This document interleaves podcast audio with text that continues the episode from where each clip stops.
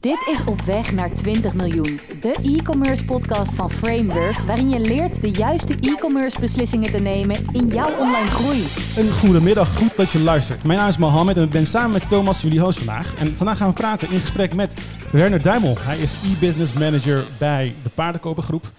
Onder andere ook lid van de Shopping Tomorrow Expert Groep. Transforming to a Digital First Customer Journey.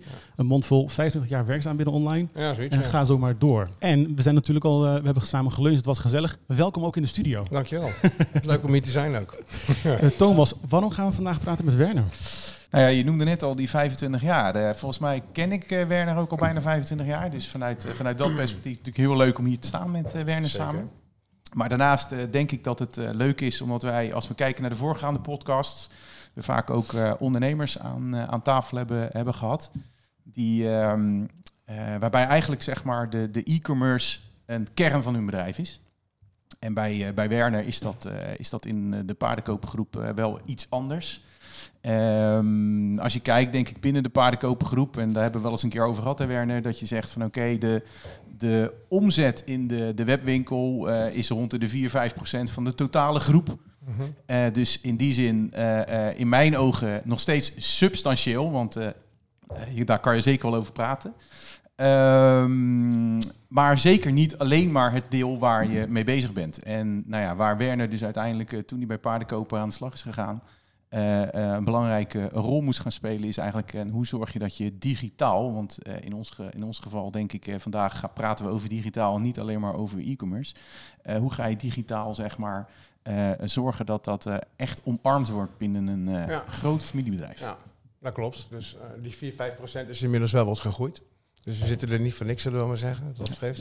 Hey, ehm, die titel hè, van de Shopping Tomorrow Expert Groep, dat vind ik wel een leuke. Want eh, jij zit in principe in een familiebedrijf sinds 1920. Niet jij, maar het bedrijf is er sinds Klopt. 1920. En dan heb jij, eh, de, de, de, de titel van eh, de expertgroep is Transforming to a Digital First Customer Journey. Ja, Ben je daarmee bezig ook bij Paardenkoper? Eh, ja, nogal. En eh, dat is gewoon eigenlijk wel het, eh, het strategische deel zeg maar, binnen de organisatie. Weet je, we weten veel zeg maar, van hetgeen wat er in de groothandel gebeurt. Door veel onderzoek zeg maar, te lezen, door je ook zelf te laten informeren door verschillende partijen. En uiteindelijk zeg maar, zou je kunnen zeggen dat als je kijkt in de algemene zin naar de groothandel, die een bepaalde rol heeft in Nederland zeg maar, op landelijk formaat. Hè, dus ik kijk met name daar in die hoek. Dan zie je eigenlijk al een aandeel, zeg maar, als ik daar alleen al naar kijk, op salesniveau, van rond de 75 à 80 procent. Ik kom zelf ook van een, een, andere groothandel, eh, in de elektrotechnische materialen. Ja, daar zaten we ook ongeveer op dat niveau. En, hè. en Dus, 80% is het aandeel van? ja, van de sales, zeg maar, uiteindelijk die welke, welke via digitaal binnenkomt. Dus dat gaat verder dan alleen maar die webshop. En wat betekent het dan, tenminste wat proberen we duidelijk te maken wanneer we zeggen digital first?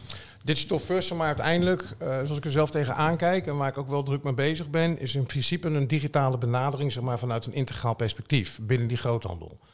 Dus eh, puur het salesverhaal, zeg maar, dat, dat, dat genereert of dat triggert eigenlijk weer het andere processen in je organisatie.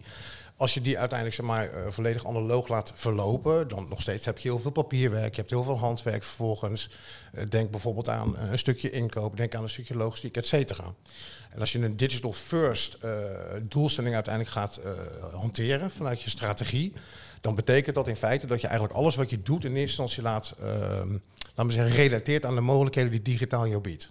En is online en offline per definitie tegenpol van elkaar? Nee, wat mij betreft vult het elkaar alleen maar aan. Zeker in de business eh, of in de B2B. Eh, die persoonlijke relatie is een hele belangrijke, dus vanuit accountmanagement. Eh, want ja, weet je, uiteindelijk maar, zal een klant zelf kunnen bepalen waar hij zeg maar, zijn order in legt. Dat is de keuze van de klant. In die context zie ik puur vanuit een commercieel model eh, digitaal echt als een middel. Ja. In die zin dus niet zomaar als een doel aan zich, eh, op zichzelf. Dat is ook de reden waarom wij ook bijvoorbeeld verschillende vestigingen hebben, die we dan stores noemen in Nederland. Eh, maar je kunt ook net zo goed zeg maar, contact opnemen als klant zijn met de binnendienstmedewerker of de accountmanager. Dus alleen digital first zou dan wel betekenen dat als het gaat om, laten we zeggen, repeterende werkzaamheden, dus gewoon het inkloppen van een order, ja, dat kan in principe natuurlijk een stuk efficiënter. En daar zal je dan uiteindelijk zeg maar, met, de, met eh, verschillende stakeholders intern richting die klant ook net zo goed op moeten sturen. Dus. Dit, dit is groothandel. Gaat dit ook op voor detailhandel, Thomas? Nou, dat gaat zeker op uh, vanuit detail. Ik denk dat uh, wat misschien ook nog heel interessant is om, uh, om even te belichten, is denk als we praten over digitaal, zeg maar. Wij zitten natuurlijk vanuit, vanuit met name de e-commerce, direct to consumer is vaak ook gewoon de webshop is het enige wat, wat zeg maar de e-commerce omzet drijft. Ja. Maar dat is natuurlijk in de paardenkopergroep echt wel anders. Ja, Hè? Dus als je, misschien kan je daar iets over toelichten wat, wat digitaal dan behelst, zeg maar. Nou, dat ik op zich een goede vraag, omdat je natuurlijk ziet vanuit uh, oudsher dat heel veel, uh, laten we zeggen, mensen in algemene zin uiteindelijk zeg maar, digitaal vaak zeg maar, op de lijn plaatsen van een webshop. Ja. En uh, een van mijn uh, laten we zeggen, overtuigingen is dat het woord webshop, zeker bij ons in de organisatie, ja. uh, eigenlijk moet verbannen worden. Het is veel meer dan een webshop. Oeh, Thomas, gaat het wel goed met het gesprek? ik ben heel benieuwd waar het nu naartoe gaat. ik, ga het doen, maar ik zal hem toelichten. Kijk, als je het over een webshop hebt, dan heb je het letterlijk over het commerciële model in je online omgeving. En uh, laat ik het zo zeggen. Wij hebben klanten die we bedienen die uh, ja, iets meer uh, of een iets grotere omvang hebben dan letterlijk zeg maar, dat ordetje uiteindelijk online in te leggen. Weet je, die willen in hun eigen inkoopproces terugzien wat ze uiteindelijk dus bij welke leverancier hebben ingekocht. Nou, dan uh, over het algemeen zie je al heel snel dat bepaalde systemen aan elkaar worden gekoppeld. En dat noem je eigenlijk in de B2B EDI. Maar die factuur die er uiteindelijk weer volgt, of je track en trace, hè, dat is iets wat je uiteindelijk weer online zeg kunt, kunt ja, opzoeken dus het is meer een klantportaal, zou je kunnen zeggen.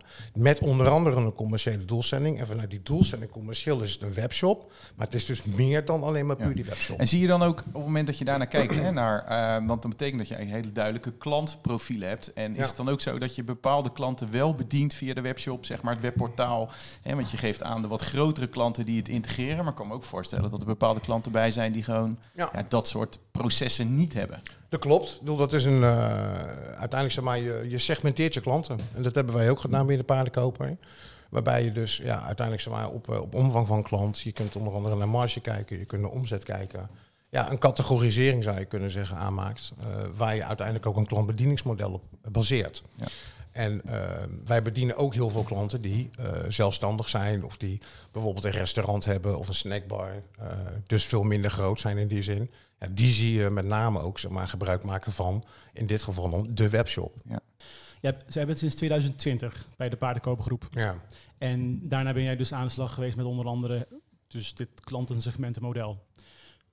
Uh, Wat is daarna, of was het ervoor al? Wij zijn in, het jaar daarvoor is er al een start gemaakt zeg maar, met die strategie waaruit het klantsegmentatiemodel is gerold. Is dat parallel gegaan aan de digitale transformatie binnen de paardenkopergroep? En zo ja, waarom was dat er voorheen niet? Waarom is dat er in de analoge of de offline wereld niet? Uh, het is niet parallel gegaan met die, uh, die transformatie. We zitten er eigenlijk nu middenin, zou je kunnen zeggen. Mm -hmm. We staan maar wel dan aan de start. Uh, dus een, uh, 2,5 jaar geleden toen ik ben begonnen was dat nog niet aan de orde. Uh, maar dat, dat ja, uiteindelijk zeg maar, je klantbedieningsmodel gaat verder dan puur en alleen maar je digitale bediening. Hè. Dus uiteindelijk zeg maar, is dat segmentatiemodel uiteindelijk, ja, je zou kunnen zeggen, ontwikkeld om meer richting te geven, richting de eigen organisatie, hoe je je klant wil bedienen. Hè. Doe, wij kunnen heel veel maatwerk leveren, maar we leveren ook gewoon standaard verpakkingen. Dat, dat, hangt boven, dus, dus het idee van klantensegmentatie, dat hangt boven de digitale transformatie. Absoluut, ja, okay, in die zin wel, ja, zeker. Weet je, en waarbij de transformatie, wat ik in het begin al zei, zich veel meer richt op een, een veel efficiëntere manier van werken intern. Dat zou in principe ook kostenverlagend kunnen werken natuurlijk. Of daarnaast uh, meer tijd maken vanuit uh, mensen die veel meer eigenlijk zeg maar, de tijd aan hun klant kunnen besteden. Hè. Dus daar waar ze bijvoorbeeld nu orders zeg maar, gewoon overtypen als het, als het even een beetje tegen zit. Uh, maar het geldt ook zeg maar, voor logistiek. Het geldt ook voor inkoop. Op het moment dat jij een order inlegt bij je leverancier... en je geeft aan dat je dat digitaal wilt doen... dan help je die leverancier net zo goed efficiënt te worden in zijn organisatie.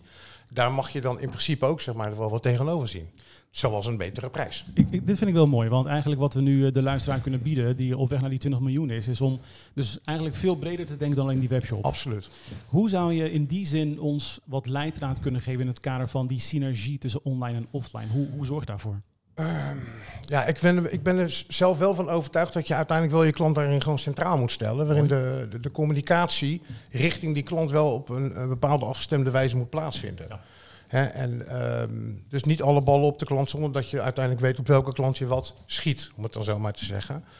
Um, op het moment zeg maar, dat er offline wordt gecommuniceerd met die klant, dan kan dat natuurlijk net zo goed een spin-off hebben naar het digitale kanaal. Eh, en eh, ik ben daar geen voorstander zeg maar, van prijs-specifieke afspraken, bijvoorbeeld zeg maar, richting online. Dus zo is het ooit begonnen met de web-onlys bijvoorbeeld. Eh, in die zin eh, weet je, hanteren wij daar zelf een omnichannel model voor. Yep. Eh, en maken we die uitzondering niet meer. Maar dat het elkaar versterkt, eh, dat is één ding wat zeker is. En dat zien wij ook terug in onze data. Eh, klanten die gebruik maken van bijvoorbeeld eh, en de store en ook zeg maar, het web, daar zien we al een veel hogere mate van engagement bijvoorbeeld plaatsvinden.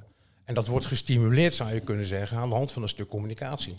En, en als je dat stukje, ehm, de tip om de klant centraal te stellen, hè? Ja. zou je dat kunnen, nader kunnen toelichten? Dus, dus ik, ik ben, eh, ik ben eh, ondernemer, ik heb een shop, 5 miljoen omzet. Ja. En ga die klant centraal stellen. Wat bedoel Ja. je dan daarmee? Nou ja, goed, uiteindelijk vanuit, eh, vanuit mijn perspectief, verantwoordelijk zeg maar, voor, die, voor de digitalisering, eh, is het uiteindelijk aan de klant. Wij bieden de klant zeg maar, diverse keuzes als het gaat om zijn verkoopactiviteiten bij ons. Ja. Eh, eigenlijk gewoon verkoopkanalen zou je kunnen zeggen. Eh, en wat ik net al zei, kijk, je kunt een klant stimuleren om gebruik te maken uiteindelijk van het online kanaal. Eh, en daar raak je eigenlijk al de eerste essentie zeg maar, van, een, van een stukje transitie. Eh, zorg ervoor dat je weet waar je het over hebt. Ken die webshop wel, eh, als je het contact hebt met die klant. Hè, eh, geef wel aan wat uiteindelijk de voordelen voor die klant zijn, enerzijds. Maar sta er ook bij stil dat mensen die dat misschien helemaal niet gewend zijn in je eigen organisatie, die moeten ook wel het voordeel ervan hier gaan zien. Dus eh, dan heb je het eigenlijk over een, een onderwerp zoals adoptie. Eh what's in it for them, om het dan zo maar te zeggen. En, en dat is bij mij op dit moment, of bij ons, echt wel een uitdaging om, ja, te, om eigenlijk goed in te vullen. En waar zit die uitdaging dan met name? Ja, gedrag. Dat is, Gedrag. Dat je, en ik denk dat heel veel mensen zeg maar, die, eh, die in een bepaald type organisatie werken en ook zeg maar, bezig zijn met die kanteling, zou je kunnen zeggen, die zullen dit herkennen.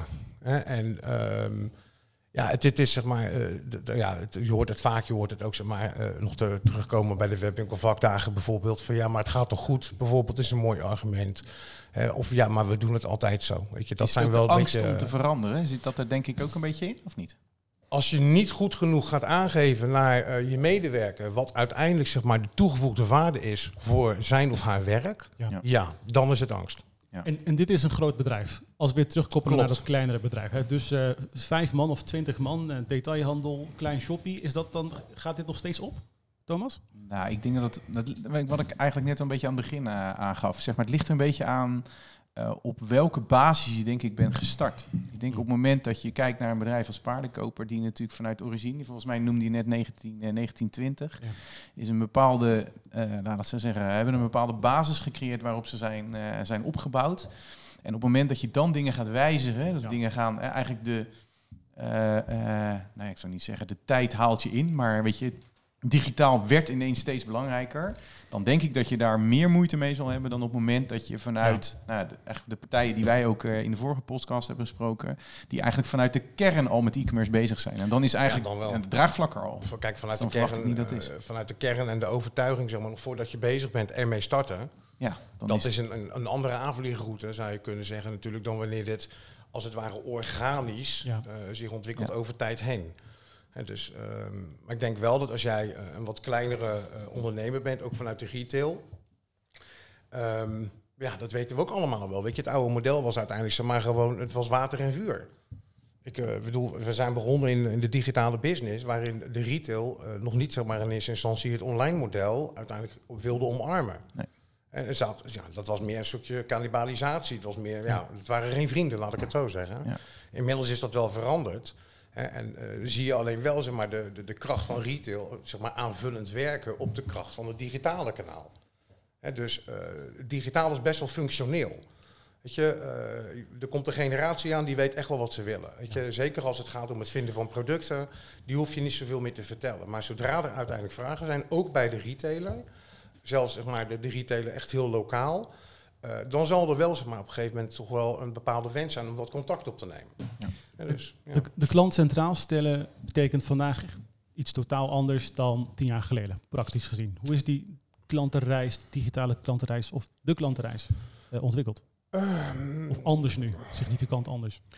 Ik denk het besef. Ik denk dat dat een hele belangrijke is. Niet alleen in Nederland, maar ook zeg maar, gewoon vanuit zeg maar, internationale ontwikkelingen. Doe je, ja, het is uiteindelijk zeg maar, gewoon een ontwikkeling die gewoon niet meer valt stoppen. En dat, dat is wel inmiddels duidelijk geworden. Ik denk dat trouwens retail daar een hele mooie, eh, ja, het klinkt een beetje cynisch, maar die heeft daar een bijdrage in geleverd. Dus door die, die, die, die ja, uh, doordat het model in eerste instantie niet wilde meebewegen, uh, zijn er retailers natuurlijk op een gegeven moment wel, ja, die hebben moeten stoppen met, uh, met hetgeen wat ze deden. Uh, dat heeft denk ik wel een eerste, uh, een eerste stukje bewustwording sowieso gecreëerd. Um, plus het veranderende klantgedrag. Klantgedrag is gewoon veranderd. Hè? En, uh, nou ja, goed, kijk alleen naar zeg maar, de, de, de mate van informatie die je nodig hebt. Als jij tien jaar geleden uiteindelijk zeg maar, behoefte aan, aan, een bepaalde, weet ik van, een bepaalde oplossing had, welke zich vertaalde in een product, dan waren er veel minder mensen die zich nog begonnen te oriënteren, bijvoorbeeld online. Ik denk dat nu iedereen standaard daar ongeveer wel mee begint. Ja. Dat gaat dan niet alleen om de kleine productjes, dat gaat ook zeg maar, om uh, weet je, uh, weet je maar, complete orders ter waarde van minder 50.000 euro bijvoorbeeld. Ja. Hey, maar dat gezegd hebbende, zeg maar, heb je dan ook niet het gevoel dat je als je kijkt naar die digitale transitie, dat je, dat, dat in principe al veel eerder op, op gang had moeten komen en eigenlijk ook een enorme versnelling zou moeten hebben? Want als je eigenlijk zegt van joh, die klant, dat gedrag van die klant is dusdanig veranderd inmiddels al ook binnen jullie, uh, ja. uh, binnen jullie branche, maar ook binnen jullie bedrijf, zeg maar. Dat je dan zegt van oké, okay, in die zin hebben we dan, weet je, moet je niet sneller dan nog? Hè? Want je zegt van joh, we, zijn, we staan dan volgens ja. mij, gaf je net aan, zijn we aan de, staan we aan de start. Ja.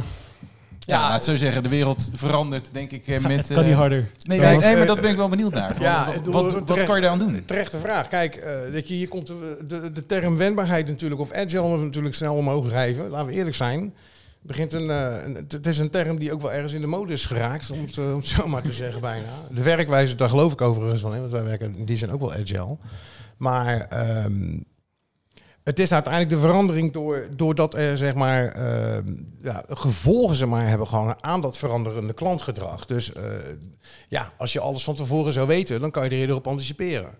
Maar ik denk dat het best wel wat, wat moeite kost om, je, om bepaalde gedragingen in je organisatie, zoals het proces, werkwijze, et cetera, uh, klein en groot, ik denk dat dat niet zo heel veel uitmaakt, om die uiteindelijk zeg maar, te gaan kantelen. Ja. He, dus um, je, blijft ergens misschien zeg maar, als ondernemer toch ook wel kijken zeg maar, naar een kant die ergens jou de bevestiging geeft dat je op de goede weg bent. En dat is denk ik in het verleden ook wel gebeurd. En nou ja, wat ik al zei, die retailers zeg maar, die eigenlijk vooraan staan in de keten, ja, die hebben uiteindelijk wel heel veel uh, gedaan, zou je mogen zeggen, verderop terug in de keten. Hè. En daar waar de retailers nu echt wel het, het hele digitale kanaal hebben omarmd, hè, puur vanuit een verkoopperspectief, maar nou goed, er zijn inmiddels wel andere voorbeelden te verzinnen dan alleen verkoop, zie je dat nu zeg maar, terugschuiven natuurlijk in de, in de groothandel. Ja. Kijk, en als je het dan mag vergelijken, hè, als ik dan inderdaad naar een aantal partijen kijk in Nederland, gewoon grote clubs uh, in de groothandel, Um, weet je, dan moet je denken aan Bitfood bijvoorbeeld, maar dan zit ik wel weer echt in die B2B-business. Um, ja, dan, dan, dan heb je inderdaad per, per type partij uh, achterstand of, voorlo of je loopt voorop. Hè, en waar zitten jullie, als je, als je dat bekijkt, um, voor je gevoel? Ik denk, ik denk dat wij uh, ver zijn in onze denkwijze. Ik denk dat dat heel belangrijk is. Ik, ik voel aan alle kanten zeg maar, de erkenning dat het inderdaad nodig is om te gaan veranderen. En je hebt te maken met heel veel uh, legacy, om het dan zo te noemen. Hè. Dus, dus, ook zeg maar, op het, het, de technische kant van het verhaal. Daar moet je zeg maar, echt uh, mee aan de slag. Nou, daar zijn we druk mee bezig. Um, maar ik denk dat het besef en de erkenning van die verandering zeg maar, belangrijker is dan dat, uh, dan dat je uiteindelijk zeg maar, wel een, verandering in gang zet omdat het moet, zonder dat je zeg maar, uiteindelijk kunt ja, inzien waarom je het eigenlijk aan het doen bent.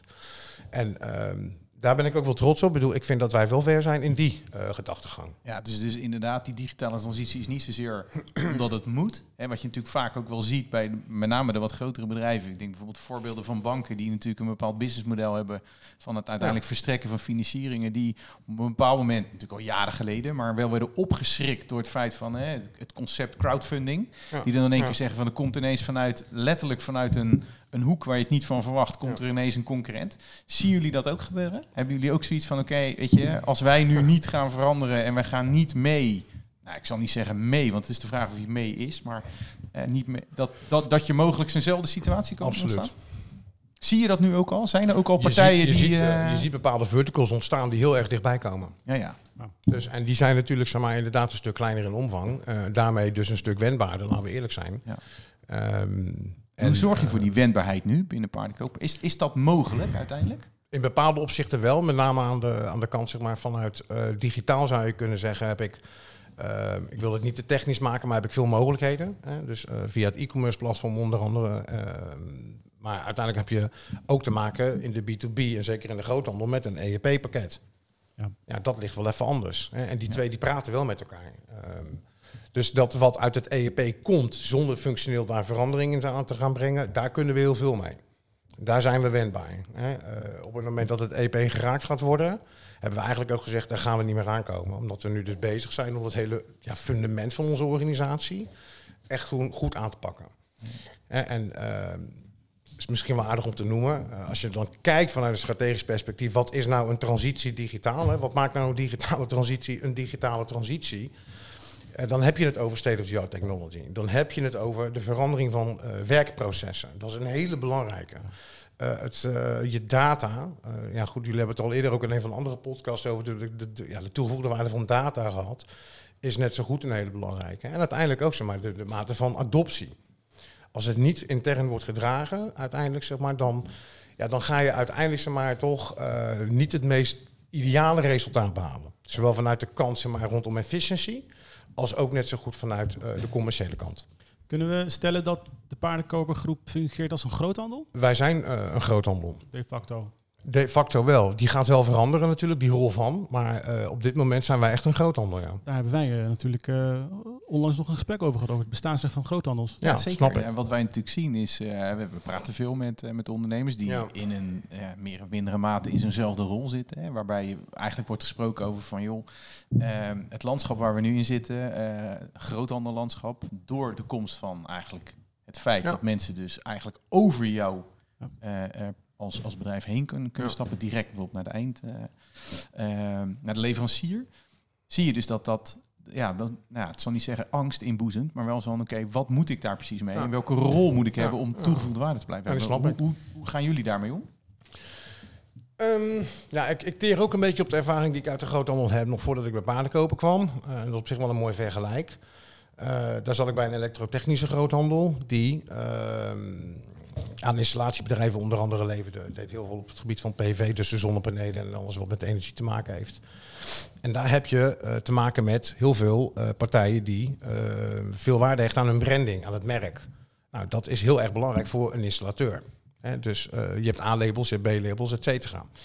Bij ons in de business hebben we het met name te maken onder andere met verpakkingen. Uh, welke natuurlijk uh, in die zin wat minder uh, afhankelijk zijn van de merknaam van de verpakking. Ja.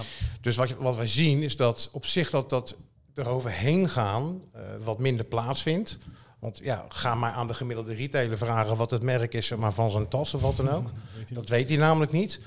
Dus, dus dat is in ons, ik zou zeggen, toch wel in ons voordeel. Ja.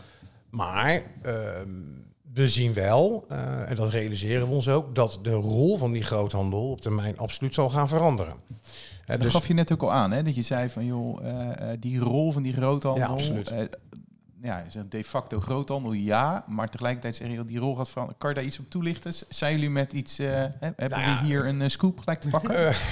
Zijn jullie met iets bezig? Nou nee, kijk, dan zouden we dat... als er een scoop zou zijn, dan zou ik hem denk voor me houden. Oh, dat is jammer. dat is jammer. Hè? Dat had toch mooi geweest, hoor? ik snap je. Nee, kijk, weet je... uiteindelijk zeg maar, zal ehm, de, de, de, oplossing die je biedt naar je klant veel belangrijker worden... dan alleen maar het product wat je levert, om het zo te zeggen.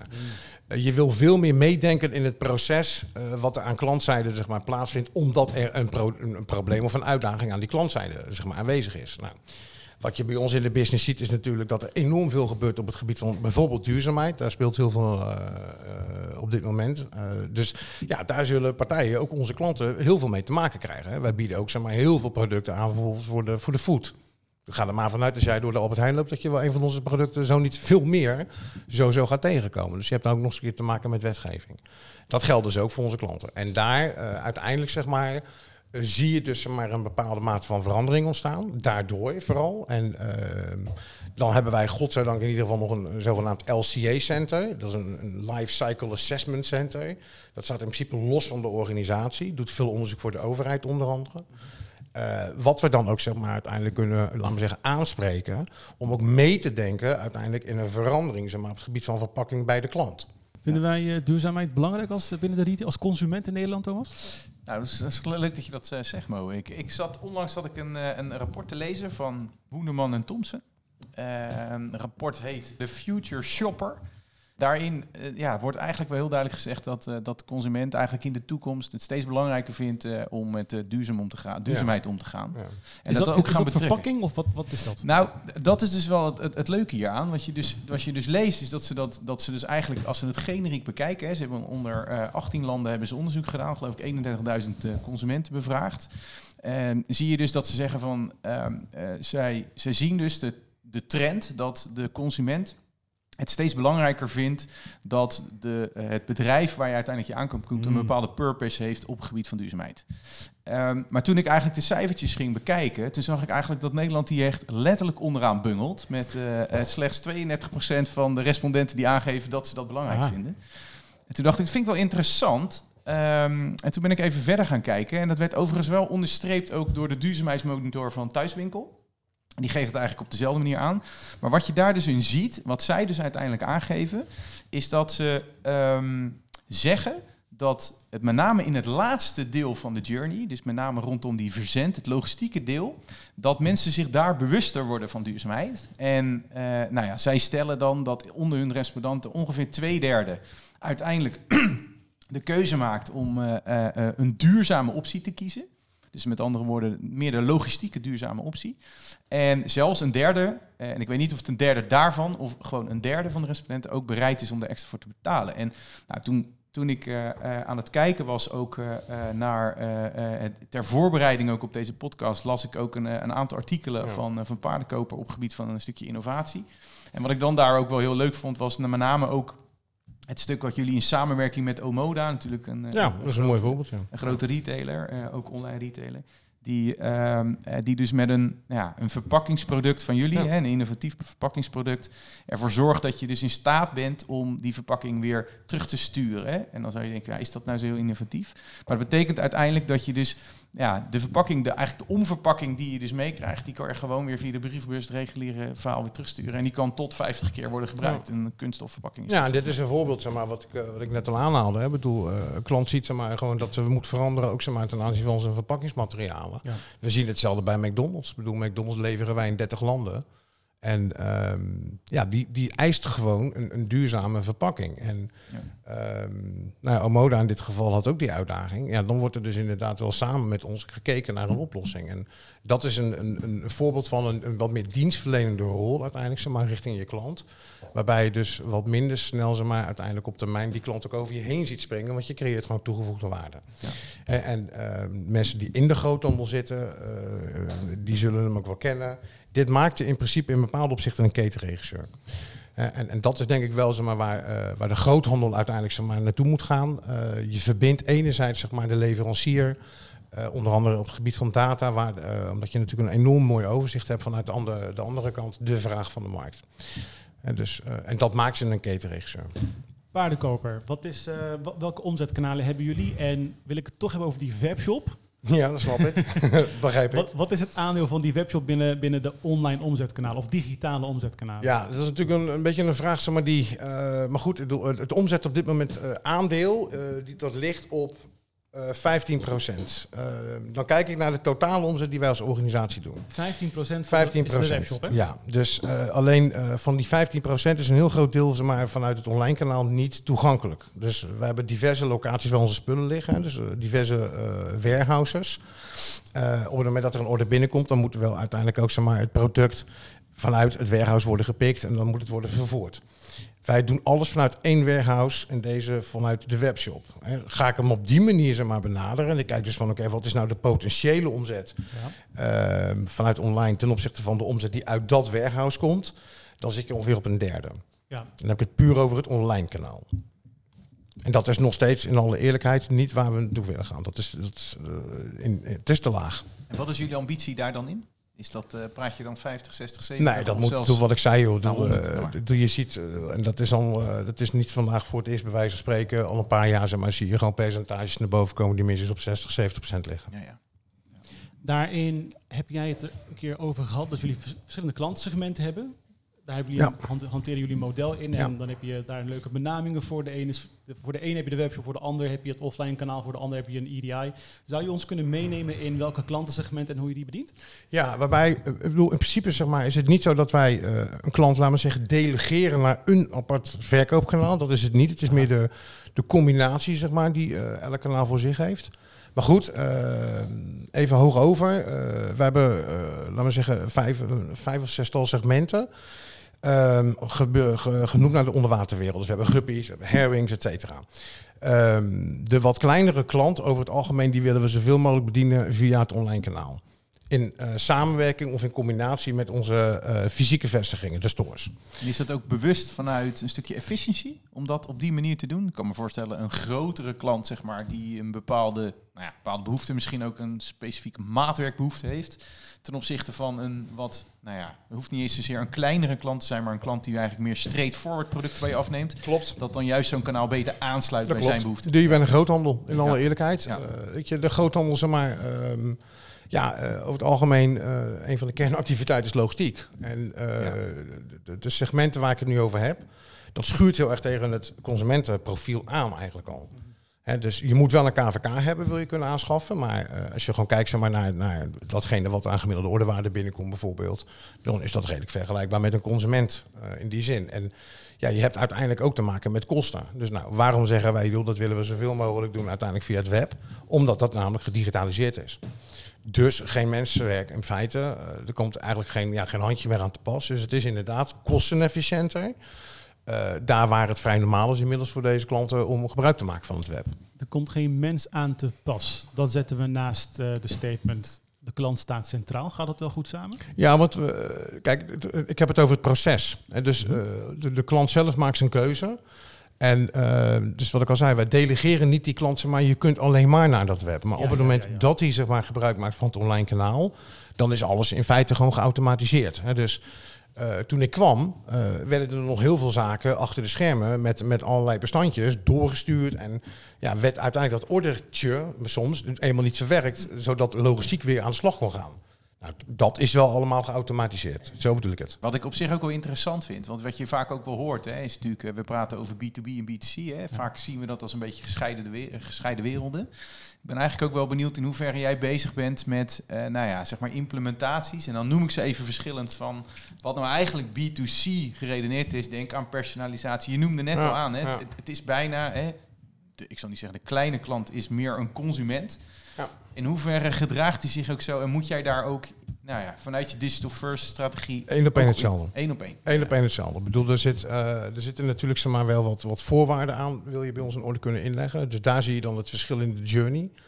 Maar ehm, als ik met name kijk zeg maar, naar hetgeen wat wij online aan het doen zijn. eh, natuurlijk speelt data een hele belangrijke rol in dat hele verhaal. Natuurlijk speelt de personalisatie een belangrijke rol. E-mailmarketing is een hele belangrijke, eh welke ook gepersonaliseerd is richting de, de klant. Eh, dus zo relevant mogelijk. En eh, ik denk dat dat niet heel erg afwijkt in alle eerlijkheid van, van wat er in de consumentenmarkt gebeurt.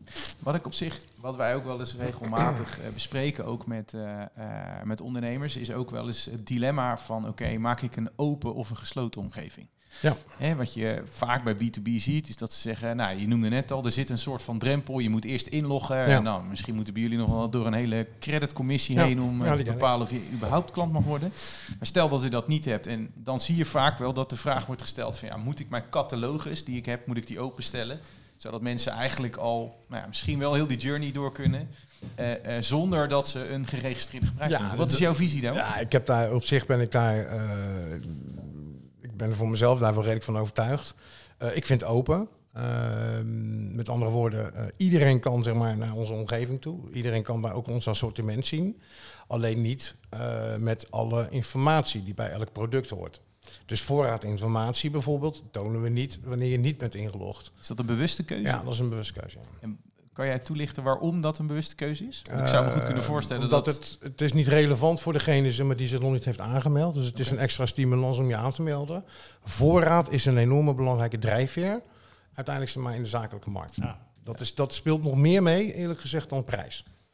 En eh, prijs, weet je, ehm, vanuit groothandelsperspectief heb je een bruto prijs. Die laten we ook zien Ja. in de open omgeving. Netto prijs niet. Nee. dus Maar die is vaak ook afhankelijk van verschillende regels klant. en klanten. Precies, Ja, juist, ja. ja. dat snap ik. Dus, ehm, dus bepaalde informatie wordt niet getoond, maar gewoon assortiment is geen enkel probleem. Ehm, ik zou er ook niet zo heel veel, dat zie je ook wel bij ons in de online omgeving zelf. Het is ook zeg maar, op homepage niveau bijvoorbeeld. Het is meer een combinatie van content met een stukje commercieel. Hè, en eh, kijk ik vijf, zes, zeven jaar geleden, dan was ik ook iemand die best wel ervan overtuigd was. Ja, die webshop moet helemaal zo maar zoveel mogelijk op die, op die homepage maar blijven staan. Ja. Eh, als je maar een goede ingang levert. Weet je, eh, meer dan de helft komt niet eens meer op jouw homepage, want die komt via Google op een, een dieper niveau binnen. Dus eh, ja, Stel je gaat nu vandaag een e-commerce onderneming starten en je hebt een zak met geld. Dus je Ja. kan mooi eh, alles, alle toeters en bellen erbij halen wat je wil. ja. Hoe zou je het aanvliegen? Wat zouden de belangrijkste zaken zijn waar je, zou, waar je op je zou letten? Dat is mijn slotvraag. Laat ik het zo zeggen. Het ligt een beetje aan de, aan de markt waarin ik zeg maar, zou gaan starten. Of het een B2B of een B2C is. Ehm, bij mij zal absoluut zeg maar, meer voorkeur liggen bij de B2B. Maar in algemene zin, dat geldt ook voor B2C, eh, vind ik het wel echt heel erg belangrijk. En dat mis ik af en toe een beetje in de in discussies zeg maar, bij onszelf in de markt. eh, weet je, op, eh, op webwinkelvakdagen of wat dan ook. Er wordt heel erg vaak zeg maar, altijd aandacht gegeven aan de voorkant. Meer de, de, de online marketingkant, eh, weet je, et cetera. En er wordt te weinig, eh laat maar zeggen, eh, gesproken over de complexiteit uiteindelijk aan de achterkant. Hè, en lopen jouw processen uiteindelijk intern niet goed, ehm, dan kan je nog zo'n mooie webshop hebben, maar dan is het uiteindelijk alleen maar een, een stukje oppervlakte die uiteindelijk daarna weer verkeerd gaat. En met andere woorden, zorg ervoor dat. het- Ik zou ervoor zorgen, in ieder geval, dat datgene wat ik ga doen, zeg maar vanuit de achterkant zeg maar, heel goed zeg maar, procesmatig wordt ingeregeld. Ja. En pas dan door naar de voorkant. Daarmee zijn we bijna op het einde, aan het einde van onze podcast. Thomas, wat zijn onze takeaways voor, eh, vanuit uh, Berners verhaal? Ja, nou, ik heb er een aantal genoteerd. Eh, sommige zijn ik misschien een beetje voor de hand liggend, maar klant centraal stellen heb ik net eh, heel duidelijk eh, gehoord. Hè. Eh, Ja. wat ik interessant wel vond, is dat hij zei van, joh, je moet wel de keuzes bieden.